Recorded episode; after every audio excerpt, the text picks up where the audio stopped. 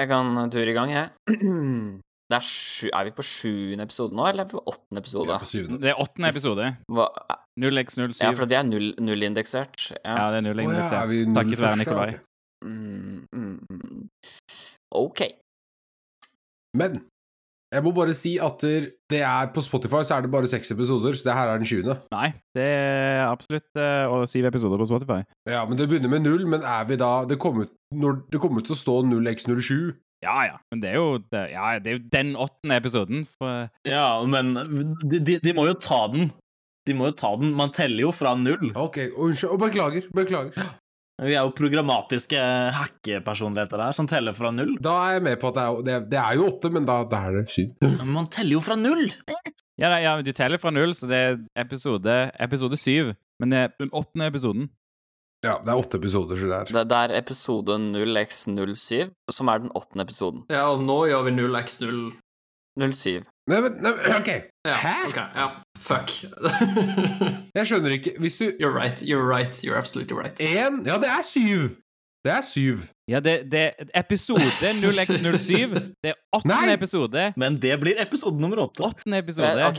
Me- Melvin? Én, to, Melvin, tre, ja, fire, ja, fem, Melvin. seks, sju. OK, ja, riktig, jeg er med. Mm. Nei, jeg, jeg skjønner forskjellen på programmatisk, men jeg telte akkurat seks. Det er sånn, what? Jeg skjønner hva du mener. Melvin, en av de flinkeste programmererne mellom oss, lærer i dag programmatisk telling. Jeg vet er OK. Ja, ja, ja. OK. Herlig måned, dette kan du jo, Melvin. Å, meg, da nå lyver jeg. Det stopper. Ha det.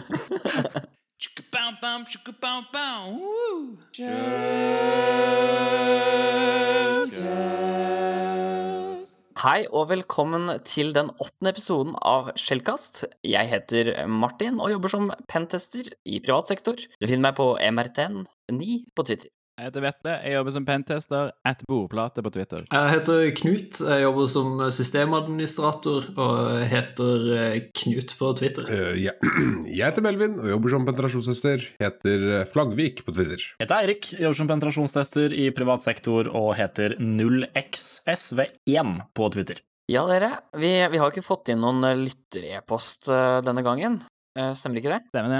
Dessverre. Ja, det, dessverre. Så, så først og fremst tenker jeg at vi må oppfordre dere som lytter til å, til å sende inn forslag. Er det noe dere vil at vi skal ta opp? Vi, vi prøver på en måte alltid å, å please dere som lytter. Så hvis det er noe dere vil at vi skal snakke om, noe vi sier feil, eller kanskje du har lyst til å være med en tur på, på podkasten, så, så må du bare sende oss en mail. Det er på hva er det? Podcast at 5h3ll.sh. Stemmer. Yes. Men dere, jeg tenker vi kjører i gang med, med første nyhet, jeg. Da kan noen andre ta det, ikke sant? Ja, Hvem er det som har lagt inn nyheten om Stortinget? Bortsett fra meg, da. Men jeg har lagt den inn på slutten, og dere har lagt den inn på begynnelsen. Jeg har lagt inn litt, skal vi se. La meg dra opp shownotes. Men hvem er det som legger ting på begynnelsen? Du legger ikke ting på begynnelsen, du legger ting på bunnen Ja, av, eh, av nyhetene. Du legger, du, legger, ikke du legger ikke ting på begynnelsen av, uh, av stacken.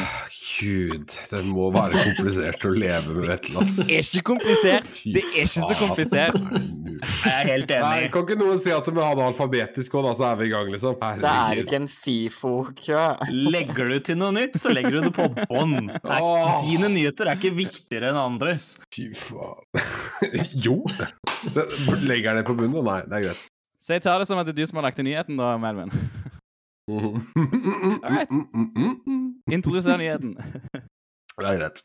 Så eh, Stortinget ble, har jo da blitt angrepet, som vi fikk eh, egentlig eh, beskjed om for en stund tilbake. Og nå kommer det da frem at det er, eh, det er eh, Ruski, det er Russland. Så, så har vi nå kommet fram til at det- var e-poster som ble kompromittert. Det var informasjon kom på avveie, altså av eh, personlig uh, art. Kontonummer, personnummer, bankopplysninger. Uh, det kommer ut at det er ikke så langt kartlagt noe gradert informasjon som er stjålet, noe som er både vel og bra. Uh, og at enkelte e-postkontoer skal ha inneholdt helseopplysninger. Og da, da må jeg bare ta, starte en diskusjon her. Hva mener de med helseopplysninger? Sikkert legetimer. Snakker vi liksom ja, Er det det vi går på, liksom? Eller er det Jeg, tipp, jeg tipper det er legetimer avtalt på e-post.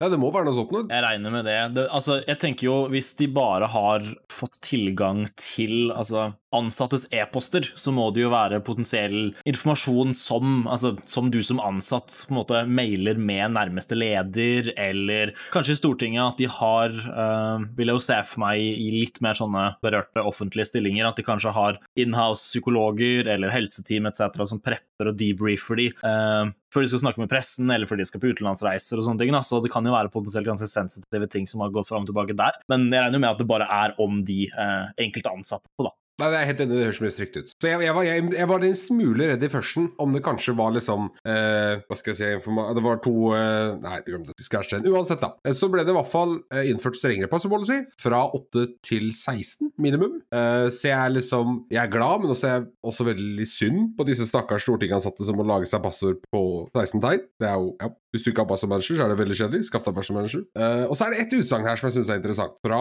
eh, skal vi si navnet? Fra en person i Diggi. Eh, en eller annen eh, ekspert, eh, sikkerhetsekspert og en journalist, som sier da følgende Det er ikke helt riktig at man, eh, si at man er sikret bare fordi man bruker tofaktorautentisering. Det hjelper, men vi kan ikke stole helt på det. Man kan ikke stole Hva er Hæ? Hva er det du Ok, ok, ok, jeg fortsetter bare. Til tross for øh, Til tross for det er det er mulig å overta kontoer, enten det er e-poster eller andre tjenester, sa XXX til Digi. Og da, da må jeg bare jeg skjønner, Kan noen hjelpe meg å forstå hva vedkommende mener med 'vi kan ikke stole på tofaktor'? Det, det, blir, det blir jo på en måte litt som å si at du, kan ikke stole på banken. Er sånn, ja, nei, selvfølgelig kan du ikke stole blindt på banken, men du må jo på et eller annet tidspunkt stole på noe, og da er kanskje banken det beste å stole på. Så, så, så mm, jeg, jeg, skjønner, jeg skjønner irritasjonen din over det her, Melvin, men det er klart sånn, fra, fra vår side så vet vi jo vi at bank-ID er jo ingen umulig hindring å hoppe over. Nei, absolutt ikke. Han sier at du kan ikke stole helt på det. og Jeg tror han mener at du ikke bare aktiverer tofaktor og ikke implementerer Altså slipp alt av logging og ta vekk EDR og sånne ting. Du skal ikke stole helt på det. Det er ikke det eneste som hjelper deg.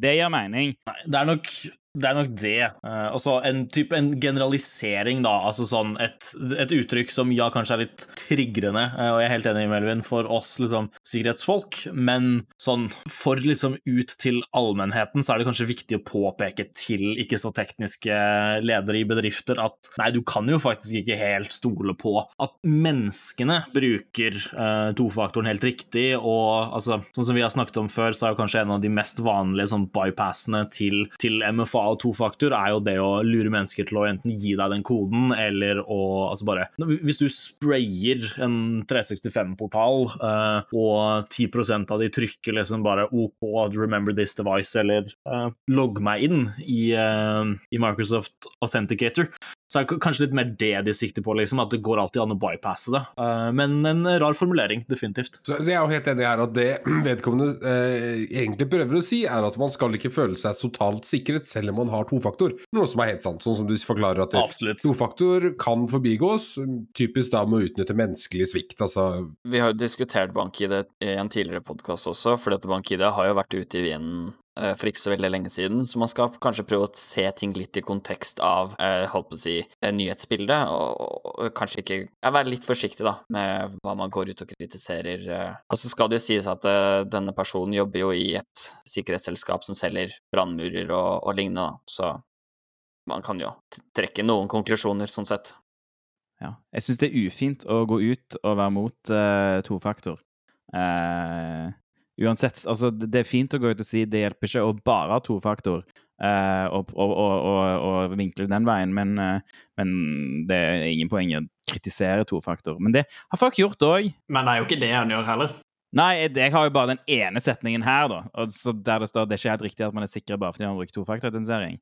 Det, er jo- det er jo sant, men det er jo bare den ene setningen. Ja, vi får jo gi en benefit of the doubt akkurat på det, da. Men, men et, et lite spørsmål jeg har lyst til å spørre dere. Stortinget oppjusterte jo passordstyrken, altså kravet til minimums passordlengde. Vil, altså hvis dere skulle valgt det ene eller det andre, øh, ville dere implementert sterkere passord eller tofaktor? Hvis det var en mulighet. Tofaktor. Tofaktor. tofaktor uten tvil. Ja. Altså, selvfølgelig, og en, en liten side note der er jo selvfølgelig å ha relativt gode og sterke passord, sånn at hvis noen klarer å hacke XYZ tredjepartstjeneste som folk inevitably uansett kommer til å signe seg opp på med jobb-e-posten sin, og de har dårlig sikkerhet, og på en måte passordene lekker, eh, så ja, er det liksom Hvis du kan få dumpa databasen der og cracka de passordene, så er jo det selvfølgelig kjipt, så en kombinasjon, men definitivt prioritere tofaktor. Og så er det jo verdt å nevne dette med at eh, passordstyrke i seg selv er jo ikke det som er det viktige her. For at åtte tegn, eh, det som har skjedd altså det, Hvis man skal synse da at noen har spraya en rekke brukere mot f.eks. OVA eller Outlook på, på web, eh, og da sprayer de jo med passord som sommer 2020, eh, altså vinterferie 2020 osv. osv. Og, og du kan ha et hva skal man si, du kan ha et passord på åtte tegn som er relativt sikkert mot den type spraying-angrep. Så, så, så, her er det jo ikke snakk om bare passordstyrke, så, så man må også nå unngå eh, sommer 2020, sommer 2020 som passord. Eh, for at det blir da det neste. Nå vet vi at de har minimum 16 tegn, og da kommer folk til å liksom eh, gravitere mot 16 tegn, og så, og så bare dobler de det de ja, gamle passordregelen sin, da. Ja, samme passordet to ganger, ikke sant. Ja, ikke sant, for eksempel. Eller at man legger på 1, 2, 3, 4, 5, 6, 7, 8, 9, 10, liksom, eller 0. Mhm. der, der burde man jo ha type PAM-systemer som eh, Eller altså sånn password blacklist som denier folk å ha sånne Altså, det kan ikke være det samme ordet to ganger, eller den samme serien med strings to ganger, altså at du regexer det, eller du kan ikke ha serier sånn som én til og med seks, ikke sant, eh, der. eh. Og det overrasker meg egentlig at det ikke er en default-greie i ja, altså Microsoft eh, sin produktportefølje. At det bare ikke er eh, en veldig enkel toggle som bare OK, sommer 2020, sommer whatever. Det går ikke. Eh, Jeg vil bare skyte ned at dere, Hvor realistisk syns dere det er å gå rundt og ha flere passord på 16 tegn? Uten passordmanager. Uten passordmanager. Helt uaktuelt. Ja, det, er jo, det blir jo det. Så la oss si de på Stortinget eh, mot fire tjenester. Eh, naturlig nok så kanskje man går ut og sier at det, det må være fire forskjellige passord, og så er det 16 tegn eh, som krav til alle. De, altså, uten passordmanager så er jo det Da får du jo garantert eh, togangeren på åtte, sånn som du sier, Martin. Sommer 2020, sommer 2020 eller den kombinasjonen der. Altså, det man i hvert fall må passe seg for, er jo at man da ikke har en sånn eh, 90 dagers eller 30 dagers eh, At du, Mm. du må bytte passord, for da får du i hvert Mhm. fall de der. Men hvis du sier ok, vet du hva, det er ingen restriction på det passordet, det er gyldig så lenge du gidder, på en måte, i hermetegn, eh, så, så kan det jo være en god setning som du kan lære deg å huske. Eh, og ok, ja, du skriver den på en Post-It-lapp og fester den på kontoret ditt. Er kanskje ikke verdens undergang at du gjør det, i hvert fall for å, til du har husker den utenat, på en måte. Så, så, så det, det, det er mye vi ikke vet her. Uh, for det er jo, vi nevnte det jo sist, eller hva det var, dette med NIST sine nye krav, eller uh, sin eh, recommendation til hvordan du gjør passord og sånt. Uh, hvor de sier at man skal gå vekk fra dette 90 dagers rullerende, som, som da egentlig har gitt oss sommer 2020 og, og lignende passord. da. Sesongbaserte passord. Og ikke ha adressen din som passord, da, vær så snill. Bare for å møte requirements. ja, det er også en ting. Eller i hvert fall ikke byen du kommer fra, eller sånt. For det er i hvert fall på mine passordlister. Sett det et par ganger faktisk på tester at folk har hatt liksom sånn seriøst adressen sin som passord. Uh, altså sånn Sinsenveien 75B, liksom, og så um, er det hele greia. Fordi det, det matcher de fleste sånne password policies, og det er langt. Ja, det er et godt poeng. All right. Ukjent aktivitet oppdager i politinettet. Det var natt til, Jeg har skrevet natt til torsdag 7. oktober, men det var natt til torsdag eh, 8. oktober. Og eh, ja, de har egentlig ikke sagt mye info. De uh, har bare sagt de kobler en uh, PST og uh, informert NSM. Så jeg gleder meg til å se hva som skjer der. Eh, de, jeg hadde jo trodd at eh, siden det skjedde sånn eh, ja, rett etter vi spilte inn podkasten, at eh, vi skulle få noe mer informasjon nå frem utover denne uken. Men det ser ikke ut som vi har, eh, har fått noe mer info eh, om eh, nøyaktig hva som har skjedd der, eller, eller hva som har skjedd der. da. Men eh, det er jo interessant om det er kobla med stortingssaken. Det eneste de har sagt, er at en avgrenset mengde brukerkontoer i e-postsystemet er rammet av uønsket aktivitet.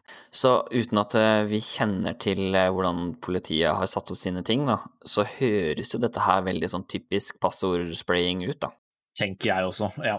Ja, nei, ja, det er absolutt info. Så jeg, jeg vil ikke bruke så lang tid på saken, men jeg tenkte det, det kan jo nevnes. Det, det, det er også Ja.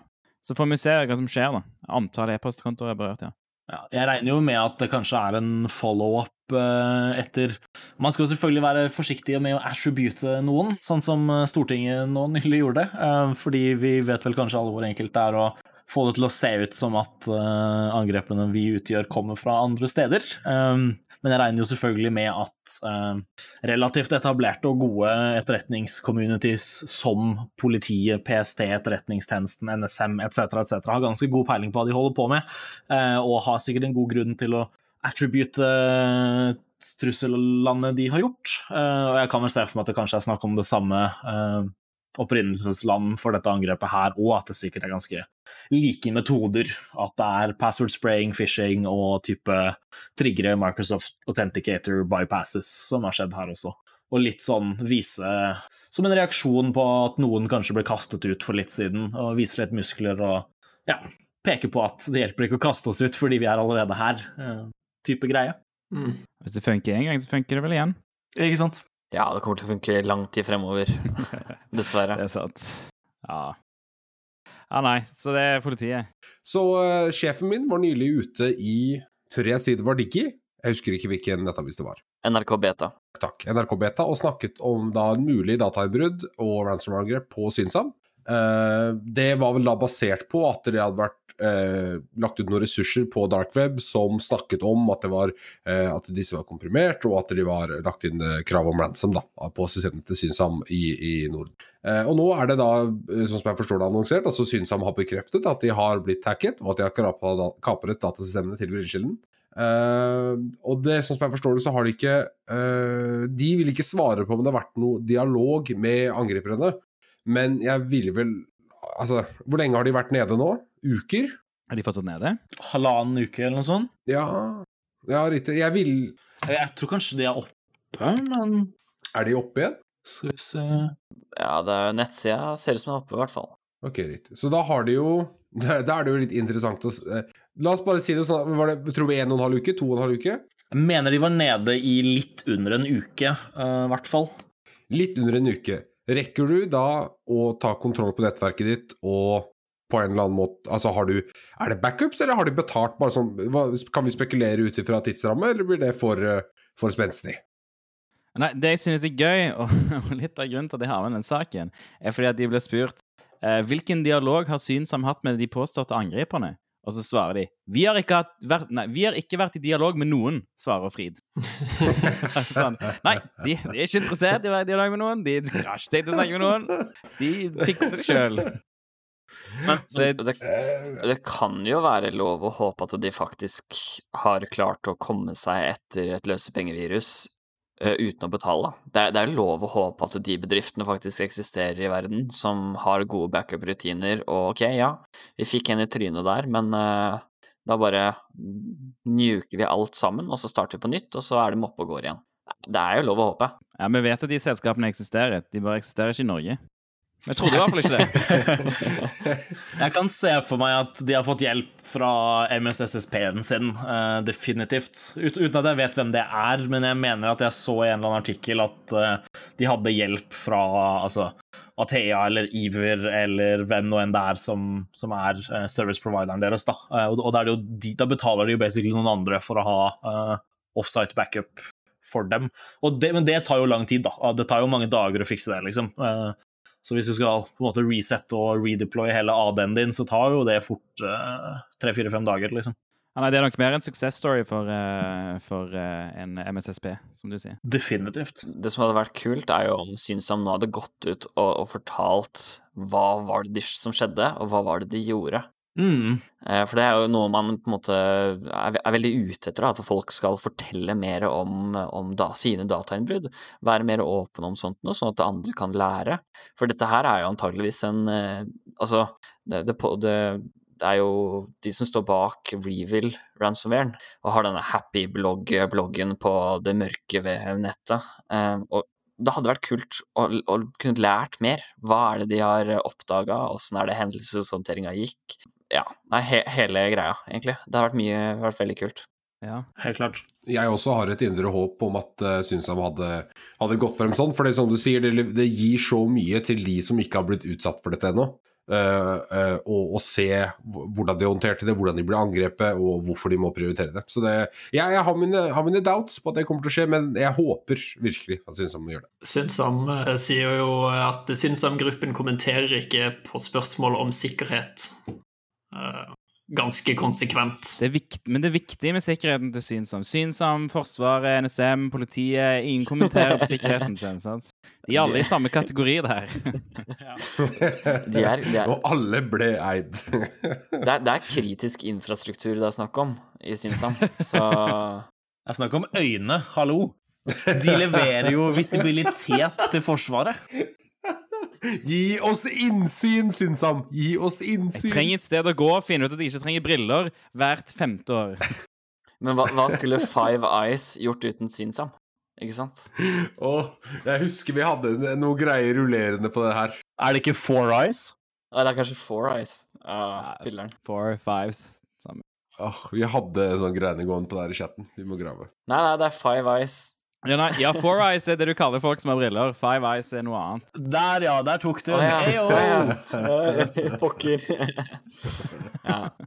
For de som ikke vet det, da, så er Five Eyes en uh, allianse mellom Australia, Canada, New Zealand, United Kingdom, altså Storbritannia og USA uh, på etterretning. Yes. Norge er vel med i Nine Eyes, er det ikke det? Det kan vel stemme. Der, der mansplana jeg til hele infosec-samfunnet. Det er 9 eller 13 eller noe sånt. Ja. Man har hørt 13. Og dette var vår eh, siste podkast. Ja. Mm. Men jeg vil, eh, jeg vil ta tilbake igjen til det du sa, eh, Martin, om, om å dele. Eh, Det, det er ikke relevant til synsom, men, men Telenor har en reklame som de kjører, i hvert fall på YouTube nå, om, om sikkerhet. Eh, Det er jo en reklame for å få bedrifter til å, til å kjøpe deres sikkerhetstjenester. Men det er ei der som snakker om, eh, om hvor viktig det er å dele, dele informasjon om trusselaktører. Og jeg bare syns den reklamen var dødsbra. Altså, det, Hvordan hun bare sitter der og snakker, og alt er liksom Hun snakker om trusselaktører og hvorfor, hvorfor det er viktig å dele informasjon og, og sånt noe. da. Yes. Den har ikke jeg sett. Det var, det var en reklame jeg kunne skippe, men valgte å se hele av. Det skjer ytterst sjelden på, på eh, YouTube, ass. Så da, da, da måtte Telenor betale for hele annonsen mot deg. Haha, yes. Jeg liker å få Telenor til å betale. Nemlig. Nei, men, nei, men det er kult. Ja, men jeg, skal legge, jeg legger jo også den Jeg legger link til, til reklamen i shownotes, for de som vil eh, se det. Telenor altså er jo langt framme på dette med trusselaktør Altså, de har Telenor CERT, som, som er ja, kanskje et av Norges sterkeste fagmiljøer på hendelseshåndtering og, og den Absolutt, type, ja. type ting, da. Så, så det er jo Det er kult at også Telenor, markedsavdelingen, ser verdien av det, og snakker om det. Absolutt. Jeg kunne ønske Altså, eh, bare for å follow up på det med ransomware. I USA nå så var det vel snakk om å innføre noe form for bot hvis du betalte ransomware-krav. Stemmer. Stemmer. Og folk var da veldig redde for at dette kommer til å føre til det motsatte. At man eh, likevel betalte og tok boten fordi det var billigere, eller at det, at, det ble, ja, at det ikke hadde den effekten de ville ha. Det jeg hadde hatt som forslag da, og ville likt å se, var gi selskapene støtte hvis de ikke betaler. Og hvis de eh, slipper løs informasjonen i ettertid, sånn i forhold til at andre kan lære. Det hadde vært noe. Uten å, uten å tenke gjennom det i mer enn ett minutt, da. Så hadde det vært en, en god tankepinne. Veldig atferdspsykologi. Absolutt. Nei, det, det er sånn right away syns det høres ut som en god idé, faktisk. Gotta agree. Og så må vi ha en sånn eh, Litt sånn som de har på en måte public shaming-registeret for folk som har gjort eh, andre ulovlige ting. Eh, sånn Neighborhood Watch-nettsider. Så kan vi ha en sånn public shaming-liste for folk som har betalt Ja, til ransomware. nemlig. Disse selskapene har, eh, har, har støttet kriminalitet. Hvilke kontorbygg du skal holde deg unna og sånn. Ikke sant? Ja, ja, ja. Så på finn.no så dukker det opp sånn derre den, Denne bedriften støtter organisert kriminalitet på internett. Tenk om du havna på en sånn altså, offentlig svarteliste, da.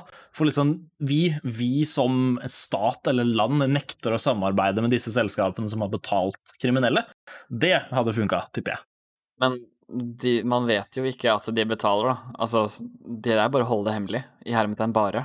Ja, det er også sant. Men det er jo litt det samme sik altså, forsikringsselskaper gjør med sånn ransom uh, insurance. Altså, altså fysisk ransom, da, tenker jeg. Folk som blir Mm. tatt, uh, uh, tatt til fange. Og så, så hvis du har forsikring mot det, så, så betaler de bare den ransomen, og så, så går du videre med livet, liksom. Suger å bli tatt til fange, da, uansett, men Det er jo ja. Vet ikke om jeg hadde turt å få meg sånn uh, kidnapp-forsikringer. Det høres litt ut som en, eh, som en gulrot for folk som liker å kidnappe. jeg tror det er, er det på en måte òg. Alle er liksom innforstått med at eh, rike folk som går rundt i Afrika, de har eh, sånn forsikring. Så de kidnapper de, og så betaler de ransom, og så er det sånn livet går, tydeligvis. Så vidt, så vidt jeg har skjønt, da, uten at jeg har noe peiling egentlig på Statements! Statements, guys. det Vetle sier, er at han har, han har nå kommet seg inn i disse forsikringsselskapene, funnet disse listene, og nå selger de da til kriminelle. Og Det er kjipt om de kriminelle fanger feil folk. Da får du ikke noe penger. Det er nemlig, ikke sant? Så det er jo det er en quality assurance der også. Let Vetle help you choose the people to kidnap. Det er CAS, Kidnapping as a Service.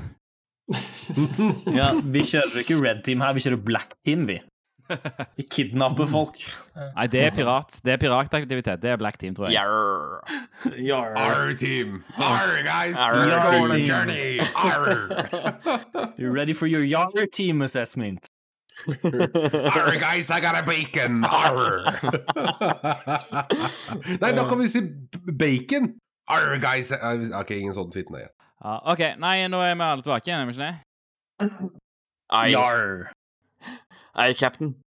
Uh, Nemonic, uh, Harrison Sand og Erlend Eiknes fra Nemonic uh, har, eh, har eh, gjort en eh, reverse engineering av en, en klokke som er produsert av et kinesisk selskap som heter eh, Jeg tror det, jeg tror det uttales Jiho eh, 360, altså QI-HOO 360. da. Det er masse sånn eh, USA sanctions mot, uh, mot uh, Jiho 360, så de får ikke solgt sine klokker uh, overalt i verden. da. Så det er et norsk selskap som heter Explora, som uh, videreselger disse klokkene. De rebrander de da, som det, det blir som en sånn white label smartklokke. Uh, og Explora har lagd uh, Explora brander denne klokken mot barn. Men uh, så det Mnemonic fant, da, det var at eh, i klokken så, så er det eh, eh, skjult funksjonalitet for å sende SMS-er til smartklokken og utføre kommandoer som f.eks. ta skjermbilde eller ta bilde med kamera som er på klokken. Eller eh, eh, Altså, du kan gjøre hva du vil. da. Du kan åpne mikrofonen, du kan, eh, du kan se hvem eh, eh, Se hvor personen som har klokken er, og sånt noe. Og det gjøres eh, SMS-en du sender, må være kryptert med en key som ligger i NVRAM, som blir putta i NVRAM eh, i fabrikken eh, når den produseres, da. Så for meg så er dette en veldig åpenbar eh, eh, åpenbar bakdør, og det er jo en bakdør uansett hva det er for noe. For det, det er ikke en key som foreldre får tak i, og det er ikke en key som brukerne kan endre på noen måte, bortsett fra å gå inn i endre i NVRAM. Og, eh, og de som har putta inn keyen, det er jo stor sannsynlighet for at de har den keyen òg. Så det man trenger da for å utnytte denne bakdøren, er, er telefonnummeret til noen og den keyen som ligger igjen ved RAM. Eh, så det Monica har egentlig konkludert i at det er mulig at Explora eh, har eh, keyen, og det er mulig at de har, tele de har telefonnummeret ditt, eh, sannsynligvis. Men eh, eh, ja, så, så det, det ligger til rette da for at eh, det kan hende at noen kan bruke denne bakdøren. Eh, Mer, altså Du kan lese hele den tekniske, tekniske artikkelen fra Anemonic, og det bør du gjøre òg. Det er en veldig interessant teknisk artikkel, den er ikke vanskelig å lese heller. Det er veldig straight forward hva de har gjort, og de, de har vært veldig flinke til å beskrive alt òg. Så storyen ligger i uh, shownotes, så du må gå inn og se der. Sten Kirkbak, som er CEO og founder, så vidt jeg forsto, har svart i NRK Beta om dette. da. Og han sier vi bestrider den på det sterkeste påstanden fra Nemonic om at dette er en såkalt bakdør. Vår hensikt med disse funksjonene i en prototype var at de skulle tillate at foreldre fjernstyrte lokalisering, opptak og bildefunksjonen på klokken i en nødsituasjon. Disse funksjonene ble aldri tatt i bruk pga. GDPR, sier Kirkebak til NRK Beta. Så jeg vet ikke med dere, men min favorittfunksjon i, eh, i noe som helst device er ikke å måtte sende en SMS som jeg har kryptert med en key som jeg er nødt til å gå og finne i NVRAM sjøl. Uansett om de har gitt meg den keyen. Jeg er ikke så sikker på om SMS er den beste måten å kjøre kommandoer på, eh, på devices som allerede er kobla til internett. Så jeg er jævla skeptisk, da. Eh, De fjerner bakdøren 9. oktober, altså tre dager før Nemonic publiserte rapporten sin, og det er nok fordi Nemonic har gitt de beskjed om, om hva de har funnet. Så jeg mener jo at det, det er jævla rart at de sier at han aldri blir tatt i bruk. Uh, de kan jo ta han i bruk når som helst. Uh, Joaquin er lagra i NV-ram, og det bare Jeg, jeg skjønner ikke hvorfor uh, uh, hvordan, hvordan poenget var at den noen gang skulle bli brukt av noe, hvis du, hvis du lager Hvis du lager keyen i fucking NVRAM, liksom. Nei, jeg var Jeg, jeg leser dette eh, Jeg var egentlig Jeg var jævla pissed når jeg leste det på mandag. Eh, Artikkelen kom på mandag fra Mnemonic, da. Og eh, fordi at det, du lager ting for barn, og da skal man være jævla forsiktig med hva man holder på med. Men så, på tirsdag, når jeg leste NRK Beta, og Sten Kirkebakk kommer her og sier at, at dette var noe prototypegreier som de har lagd. Og det bare Det høres ut som en jævla løgn. Sorry, ass, men det, jeg, jeg, jeg kan ikke forstå hvordan du har tenkt å lage en funksjon som skal fungere for alle, og, eh, og på en måte input til funksjonen, input for å kjøre kommandoer, er via eh, SMS. De gir ingen mening. Det er ikke sånn man, det ikke sånn man lager ting. Og eh, han hadde begrunnelse, begrunnelse for, eh, for hvorfor, hvorfor den funksjonen var der, hvorfor de hadde prøvd å lage lage den i utgangspunktet. var et eller annet med at eh, eh, han hadde mista kiden sin på, på et eh, kjøpesenter for mange år siden. Så derfor så var det noe de, han ville ha, fordi at da kunne han finne kiden sin og sånne ting. Uh, og det er òg samme begrunnelse han har på LinkedIn for hvorfor han skal starte et selskap i 2009. Så jeg føler det er en sånn beskrivelse som bare kom til han veldig fort. Jeg, jeg, det, det er jævla weird, ass. Hele saken er jævla weird, og jeg synes, jeg synes egentlig at de burde anmeldes. Hele selskapet og CEO-en burde anmeldes personlig for dette. Fordi at du har lagd noe for barn som har en åpenbar bakdør som noen kan bruke. Og det, det, burde være, det, det burde være noe strafferamme rundt det. ass. Jeg kan ikke skjønne at det er noe som kan gå som bare kan gå hus forbi. ass. Altså, og dette Vi må jo ikke glemme at sånne klokker for barn har jo vært ute i ilden før, og det var jo Nemonic sist gang også, som, som kom med en rekke klokker som var sårbare som bare rakkeren. Så du skal jo på en måte trå hm, ganske forsiktig når du, når du velger å introdusere en sånn klokke på nytt i det norske Altså, eh, var det, forrige gang så, så måtte de jo brenne en haug klokker i Tyskland og sånt noe, fordi at de, de var på en måte Ja, Tyskland sa at dette her, dette er noe ordentlig drit, det vil vi ikke ha i landet vårt, bare bli kvitt det. Så det er jo veldig spesielt, da, at, eh, at man da ikke trår veldig, veldig forsiktig. Og det du nevner, da, Vetle, med dette at den appen liksom i hermetegn har blitt utviklet, ja, la oss si utviklet av eller i samarbeid med, med Explora, er jo interessant, fordi at namespacet som alle appene på klokka ble laget for, var jo eh, Kiho, eller hva gudene vet åssen det uttales, eh, sitt eget namespace. Du har jo ikke noe Explora-originale apper, for eksempel, på, på denne klokka. Og så, må jeg jo si, jeg syns det er interessant, for han i, i, i motsvaret hans i NRK Beta, på en måte, så sier han at han er kritisk, altså Kirkebakk i det tilfellet her, er kritisk til Nomonix, som, som han mener ikke har gjort seg tilgjengelig for å rette opp i det han mener er en ubalansert og spekulativ rapport. Eh, jeg syns vel kanskje ikke den rapporten var spesielt spekulativ. Den, den var, jeg, det, var, det var et godt stykke arbeid. Det var, eh, det var ikke, noe, ikke noe synsing. Det var her er dette. Vi tror at det kan brukes til dette og dette fordi det gir mulighet til dette. Og så var det ikke noe mer. Det var ikke noe, De la ikke noe ondskap på noen her, men, men det, dette er det vi har funnet. Og så får folk uh, vurdere det litt selv. Så veldig, veldig, veldig spesielt, syns jeg. Nei, jeg er helt enig, og det høres jo litt Altså, man skal trå forsiktig her, selvfølgelig, men det høres litt ut som om noen forsvarer sitt veldig forståelige, naturligvis, um, hjertebarn. Og det er jo en, det er en veldig fin sånn markedsføringshistorie som på en måte er opphavet til denne bedriften. Og um, jeg kan forstå at vedkommende som er altså CEO her, um, føler sterkt for både opplevelsen han mener var utgangspunktet i uh, opprettelsen av selskapet, uh, også liksom på en måte kommentarene han har for å forsvare det.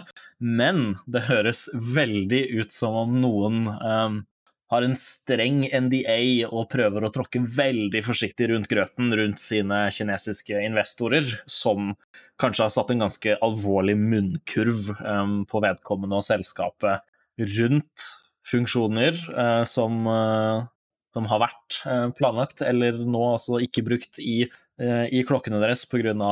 Eller pga. såkalte GDPR-regler og, og, og, funksjoner. Um, men det er jo, altså, det er jo som, som Vetle sier, helt altså, Man blir nesten sånn ristende sur av å høre på en person som skal prøve å forklare og bort, altså, bortforklare uh, disse typer feil i produkter som er markedsført og brukt av barn. Uansett på en måte hvor, uh, hvor mye du har mista kidsa dine på tur på kjøpesenter, så skal du ikke kunne overvåke verken dine egne barn eller andre barn med sånne åpenbare uh, bakdører.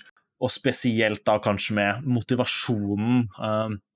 Det skinner jo kanskje litt gjennom, og det er her man skal være forsiktig, men liksom, det virker litt som om noen prøver å forsvare selvfølgelig sitt eget hjertebarn og sin egen inntekt med å ikke tråkke på uh, de kinesiske pengene som, stopper, som støtter opp under uh, disse klokkene. Ja, absolutt. De nevnte jo òg på et eller annet punkt der, eh, eller Sten Kirkebakk nevnte at de hadde, de hadde fjerna deler av funksjonaliteten. Eh, De hadde fjerna noen, men at eh, noen linjer med kode ikke ble helt fjerna. Som ikke er hatt mening nå, for hele funksjonaliteten funker jo. Det er jo, er jo en backdoor. Det er jo per def en backdoor. Det er en sidechannel inn til å kjøre kommando på klokken som eieren av klokken ikke kjenner til. Hvis ikke det er en backdoor, så eh, vet ikke jeg hva slags definisjon folk har av backdoor som jeg ikke er med på. Det er definisjonen av en bakdør. Og så vil jeg jo Jeg har lyst til å fortelle om Jeg har møtt noen av de som jobber i KIO, igjen navnet, eh, på, eh, på, på Defcon, faktisk, i Las Vegas. Og fordi at dette selskapet her har jo tre sånne undergrupper som fokuserer på å finne sikkerhetshull og sånt, og sikre ting, i eh, ja, tre undergrupper i organisasjonen sin, som heter Unicorn Team, Rock Team og, og Pegasus Team. Så her sitter du på Det er vel kinesisk, hvis jeg ikke tar helt feil. Veldig, veldig god, skarp kompetanse. Altså, dette, er, dette er dyktige folk som utvikler, uh, utvikler hardware og sånt, som, som er er, veldig, veldig bra. Så, så du får meg ikke til å tro at dette her ikke er uh, laget med vilje. Det, det liksom her, her, er- dette er et selskap som er ekstremt kompetent på IT-sikkerhet, og så hjelper det ikke at de er kinesisk. Det må man jo ærlig innrømme. Nei, det gjør ikke det. Det er helt sant. Men, men det jeg kan tro, er at de har At eh, Kiho har lagd denne funksjonaliteten for sine egne klokker, ikke for den white label-versjonen som, de eh, som de produserer for Explorer, f.eks. Og så har de glemt å fjerne det i white label-versjonen sin av eh, klokken. Det kan, jeg, det kan jeg tro at har skjedd. Absolutt. Men da må de komme ut og si det. Da må, noen, da må Explorer si det, eller så må Kio si det. Noen må si det. De må ikke komme med sånn bullshit-grunner som åpenbart er løgn. Ja, for altså, det er det som er Han, øh, han øh, Hva nå enn het igjen? Uh, Kirkebakk. Han, han, han bestrider Altså, uh, hvorfor ikke bare legge seg flat med en gang, da? Nå har, man, nå har han solgt hva da, over 300 000 av de klokkene her øh, til det europeiske og, og amerikanske markedet. Ja, 350 000 øh, globalt, står det. Så, så nå, nå, er det, nå er tiden for å legge seg flat og si at dette her er åpenbart eh, noe vi må titte på og, og, og komme ut av, og så eventuelt da si vi kommer, vi kommer med et motsvar eh, på vår nettside som, som eh, beskriver hvorfor dette her har skjedd på kun Mnemonic sin klokke, eller et, altså et eller annet, da. Prøv, i hvert fall. Ja. Nei, det, det er frustrerende, og jeg, eh, jeg, ble, jeg ble skikkelig sint. Jeg eh, Altså, jeg, jeg ranta her er shownotes. Jeg kommer til å cleane opp shownotes før, jeg, eh, før jeg sender det ut, sorry. Men, eh, men det, det er ufint mye av det jeg har skrevet. Eh, og, og det Men det blir litt sånn det, jeg, det, Du lager noe som er for barn, og hvis, du kødder med folk som er svakere enn deg, det, er ugreit, ass. Da blir sur. Så Men, men nei, jeg eh, Nei, hva, skal man si? At, at folk holder på sånn. At, at, folk, at folk som ikke er villige til å legge inn arbeid i, i, å, i, å, i å sikre produkt som de produserer for barn, de har, ingen, de har ingenting med å lage produkter for barn. Hvis du ikke er villig til å sikre det, så, så har du ingenting i, det området å gjøre. Da får du overlate det til noen som, eh, noen som er villig til å bruke tid og penger på, på å lage et ordentlig sikkert produkt. Og gjerne det er gjerne noen som har lagd produkt, altså lagd produkter før, da, som, som ikke bare er et ett-produktselskap. Det er farlig å koble ting opp på internett. Skal gjøre det riktig. Om noe så burde jo Explora nå endelig ta til uh, sens og vettighet her, uh, holdt jeg på å si, med å kanskje betale Mnemonic noen penger da, for å penetrasjonsteste de neste kommende versjonene av uh, klokkene sine. Fordi det må vel snart koste de mindre penger å gjøre reelle, gode pentester av både software og hardware, enn å måtte ta disse støytene i media hvert tredje år, tenker jeg. Dette burde noen ha, ha plukka opp i en pentest. Og han sa jo det òg. Definitivt. Han nevnte at, uh, at uh, det er jævla viktig med sikkerhet i sånne produkter. Og så var jeg sånn, hva mener du det er jævla viktig? Hvis du hadde hatt en pentest én gang, så hadde du visst at dette var en greie. Det er ikke Det er åpenbart at du ikke tar sikkerhet jævlig viktig. Da hadde du visst om det fra før av. Men har de sett på sitt egen, sin egen Altså koden som ligger på klokka i det hele tatt, liksom? Sikkert ikke. For det, det er jo det wiretap, liksom. Altså, du kan jo ikke ha sett mye på det opplegget, og så bare Ja, der står det wiretap, det er helt sikkert vanlig, det. Altså, det er jo det som er så interessant, er at alle appene, alt innholdet på klokka, er kun eh, Kio sin, sin I sitt Kio sitt eget namespace. Så, så det er liksom Det er ikke noe Explora Altså, eh, og, og det Ikke for å ta noe vekk fra den researchen som Mnemonic har gjort, men det er jo relativt trivielt Altså, de fleste pentestere burde ha funnet dette her hvis de hadde fått i oppdrag å penteste klokka. Mhm. Og i hvert fall hvis de hadde sluppet å gjort klart. I hvert fall hvis de hadde sluppet å som reverse engineer ha funnet ut hvordan de skulle dumpe OS eller få tilgang til eh, altså debug-portalen, på en måte. Så eh, Men igjen, ikke for å ta vekk fra den researchen som er gjort, for den er knallbra. Det er bare Men dette her er ikke Dette her er ikke groundbreaking crazy shit, liksom. Dette her er det, det, er, det er apper. Det er Android-apper som overvåker folk. På barn. Ja, barn. Det er ikke folk, det overvåker barn. Ja, ja. Ja, nei, altså, jeg, jeg, jeg, synes jo, jeg synes jo at det er en sak som burde anmeldes eh, av, eh, av eh, det norske someone. Stat? Jeg vet ikke hvem som anmelder sånne ting. Datatilsyn eller noe. Datatilsynet, ja. Ja, Datatilsynet burde jo komme på banen. Egentlig, Det er rart de ikke har gjort det allerede, egentlig. Det her burde jo vært igjen, burde vært fjerna fra markedet. Du, altså, eller vet du hva? PST, for den saks skyld. Ja, jo, men ja, helt uh... Dette er jo dette, det, du, kan jo kalle, du kan jo kalle det spionasje. Så, så, så egentlig, ja. Samle alle, samle alle sammen uh, Samle alle klokkene i Oslo og, og brenn det, og livestream det på nett, altså. For det, her, det går ikke an. Ja, nei, det, jeg støtter den, altså. Ah. Nei, jeg, det, jeg leste dette i går etter å ha sett NRK-greiene, og så skrev jeg masse greier. Ranta til masse folk på Discord og på overalt. Så drista jeg så jeg ikke klarte å stå i ro. Det var Man blir sint. Man blir så sint av det. Åh, man blir så sint! Jeg lurer på hvorfor de får lov til å selge i USA. Hvis ikke de på en måte har gjort noe med det sjøl, så er det jo nesten det samme produktet, liksom. Det blir litt sidestilt. Det er sanctions mot, eh, mot det selskapet spesifikt, ikke datterselskap og Ah, ikke eh, søsterselskap og sånne ting. Nei, og spesielt når de da kjøper det inn, så er det jo igjen ikke sanction, da.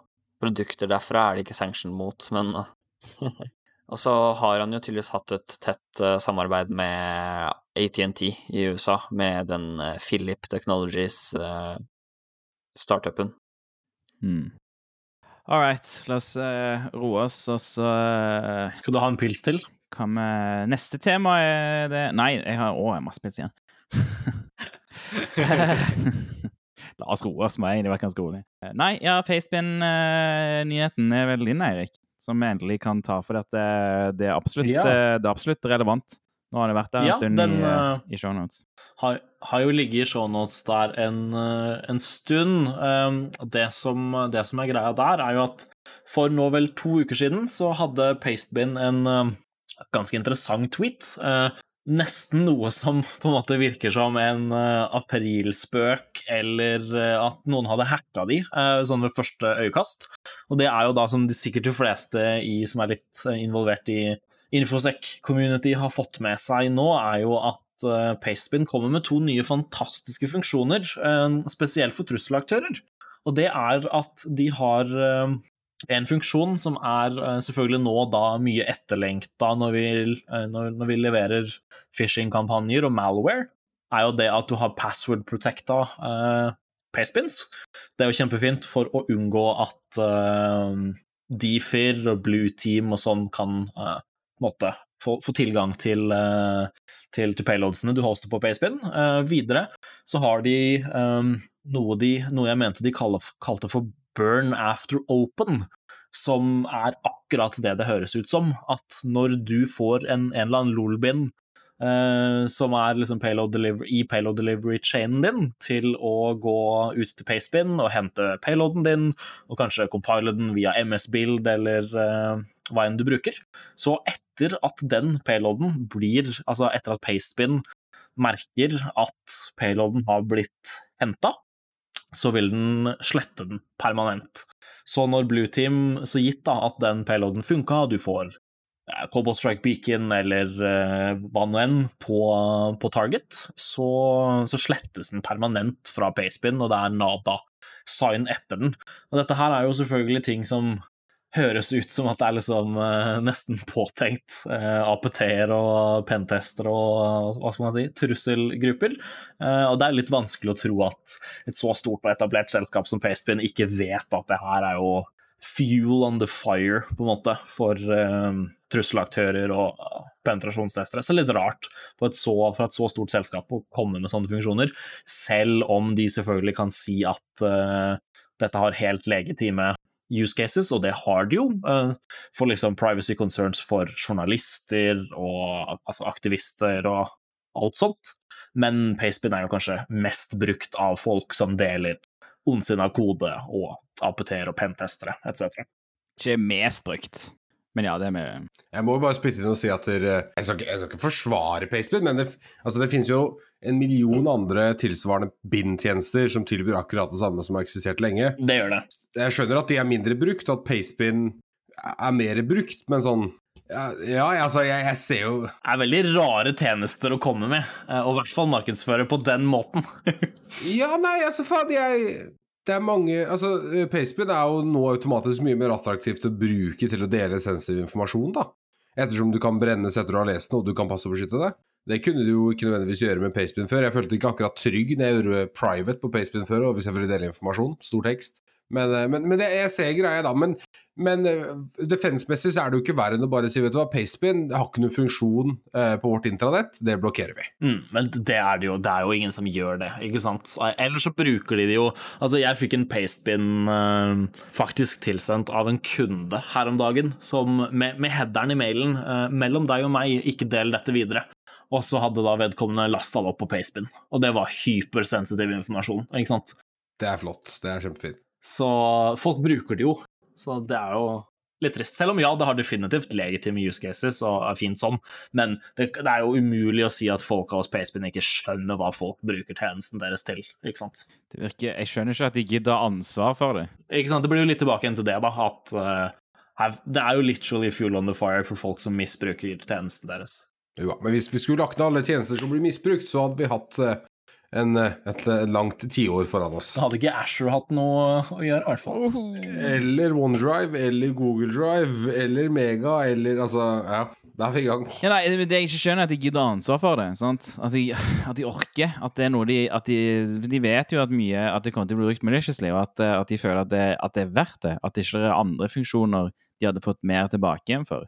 De må jo gjøre hva de vil, selvfølgelig, men de, de har jo et stort samfunnsansvar når de gjør det. Så de, og de må jo bare ta det. Jeg assosierer jo også Pastebin med hosting, og har brukt det mange ganger, ikke nødvendigvis på real life engagements, men i, i lab-scenarioer, ZTF-scenarioer eller testing, da. Men jeg vil gjerne se, før jeg liksom slenger Pastebin under bussen og sier, altså, at dere, liksom, trafikken deres er mesteparten abuse, så har jeg faktisk lyst til å se liksom, typ statistikk på det, før jeg liksom Ja, nå er jeg veldig snill mot Pastebin her, da. Har, det ligger et, dypt inni hjertet mitt, tydeligvis. Uh, før, jeg liksom, før jeg liksom sier at utviklerne burde, eller de som har gjort det, burde skjønt at dette kommer til å få vanvittige abuse-konsekvenser. Som, som, det sikkert, altså det kommer jo til å få det sikkert, fordi de som allerede misbruker Facebook kommer til å bruke disse featurene. Men hvor mye av Facebook-trafikken er legitim, og hvor mye av det er abuse, da, det hadde vært veldig interessant å ha innsikt i. Mm.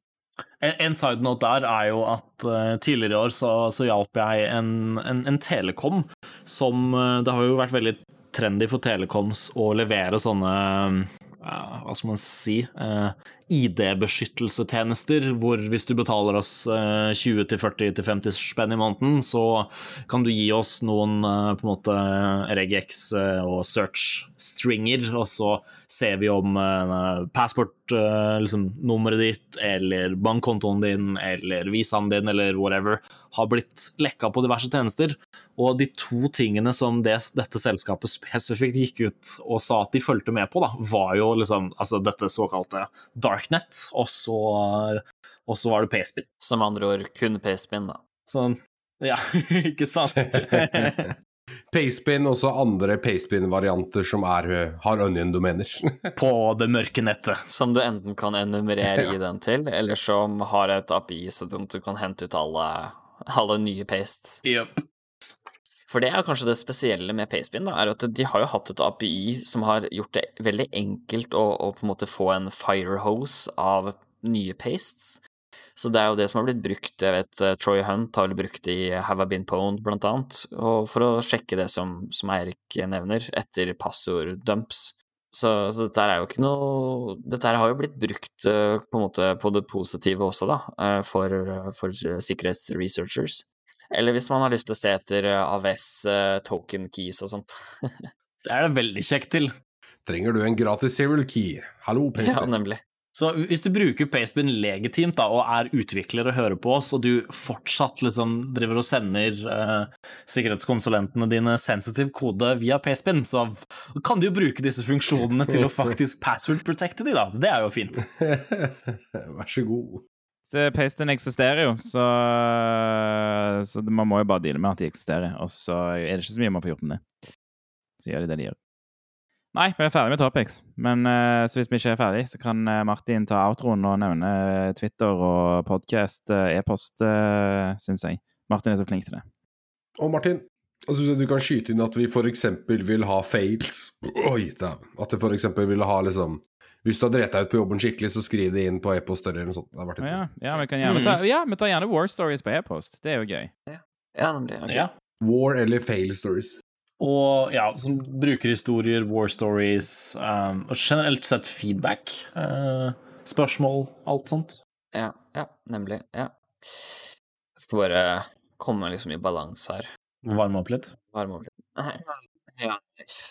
Um, ok.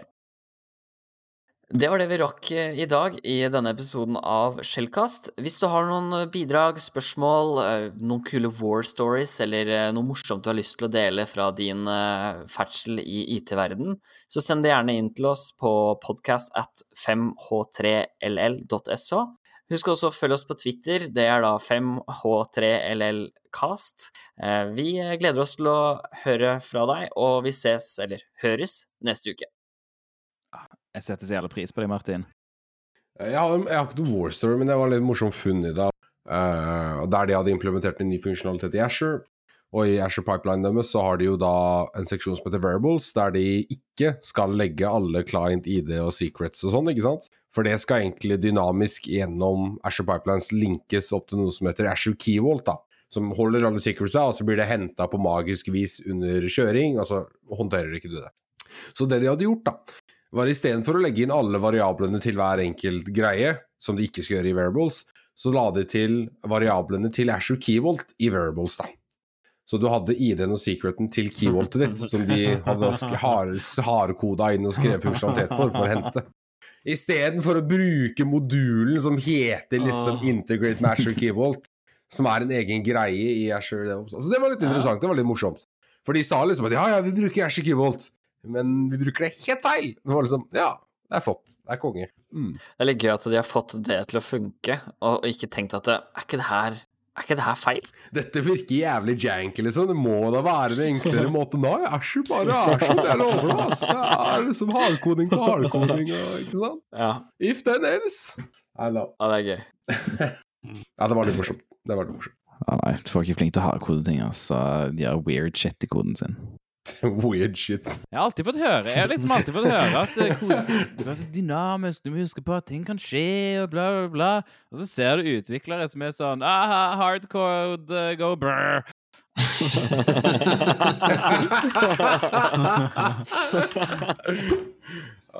Men, men jeg skal løpe til defense igjen, da. Når du er utvikler, så få Altså, i hvert fall, det an på hvor du er den, da. Men jeg, når jeg var utviklingskonsulent, så fikk jeg jo egentlig bare beskjed på disse klærne mine om at Hvor mye tid trenger du? Ok, du får halvparten av det, og så bare make it work. Og da er det liksom bare Make it work! Da er det bare make it work. It works, doesn't it? Yes, it does. It works. Så jeg har litt sympati, men samtidig eh, dårlig prosjektledelse, da. Enn det er liksom det, Så, så er det jo typisk eh, Utviklere blir jo gjerne kasta inn liksom Ok, dere, nå er vi Asher. Nå skal alt sammen funke i Asher, Mm. så nå bør du kunne Asher. Og så spør, Mhm. rekker de opp hånda liksom sånn stille og forsiktig bare kan, kan vi få kurs i Asher? Nei. Nei, det har vi ikke penger til, for nå har vi brukt så mye penger på å kjøpe Asher. Her har dere plur, plur, plur, eh, hva heter det for noe? Pluralsight-lisens. Kos dere. ja, Det alt, liksom, eh, ja, fixes everything. kanskje. Hvis de er så heldige. Kanskje. Trial. Tidars trial. Eh, Tek- Teknett er gratis. Kom igjen, da, folkens. Dere har vel YouTube? Det fins jo videoer på YouTube.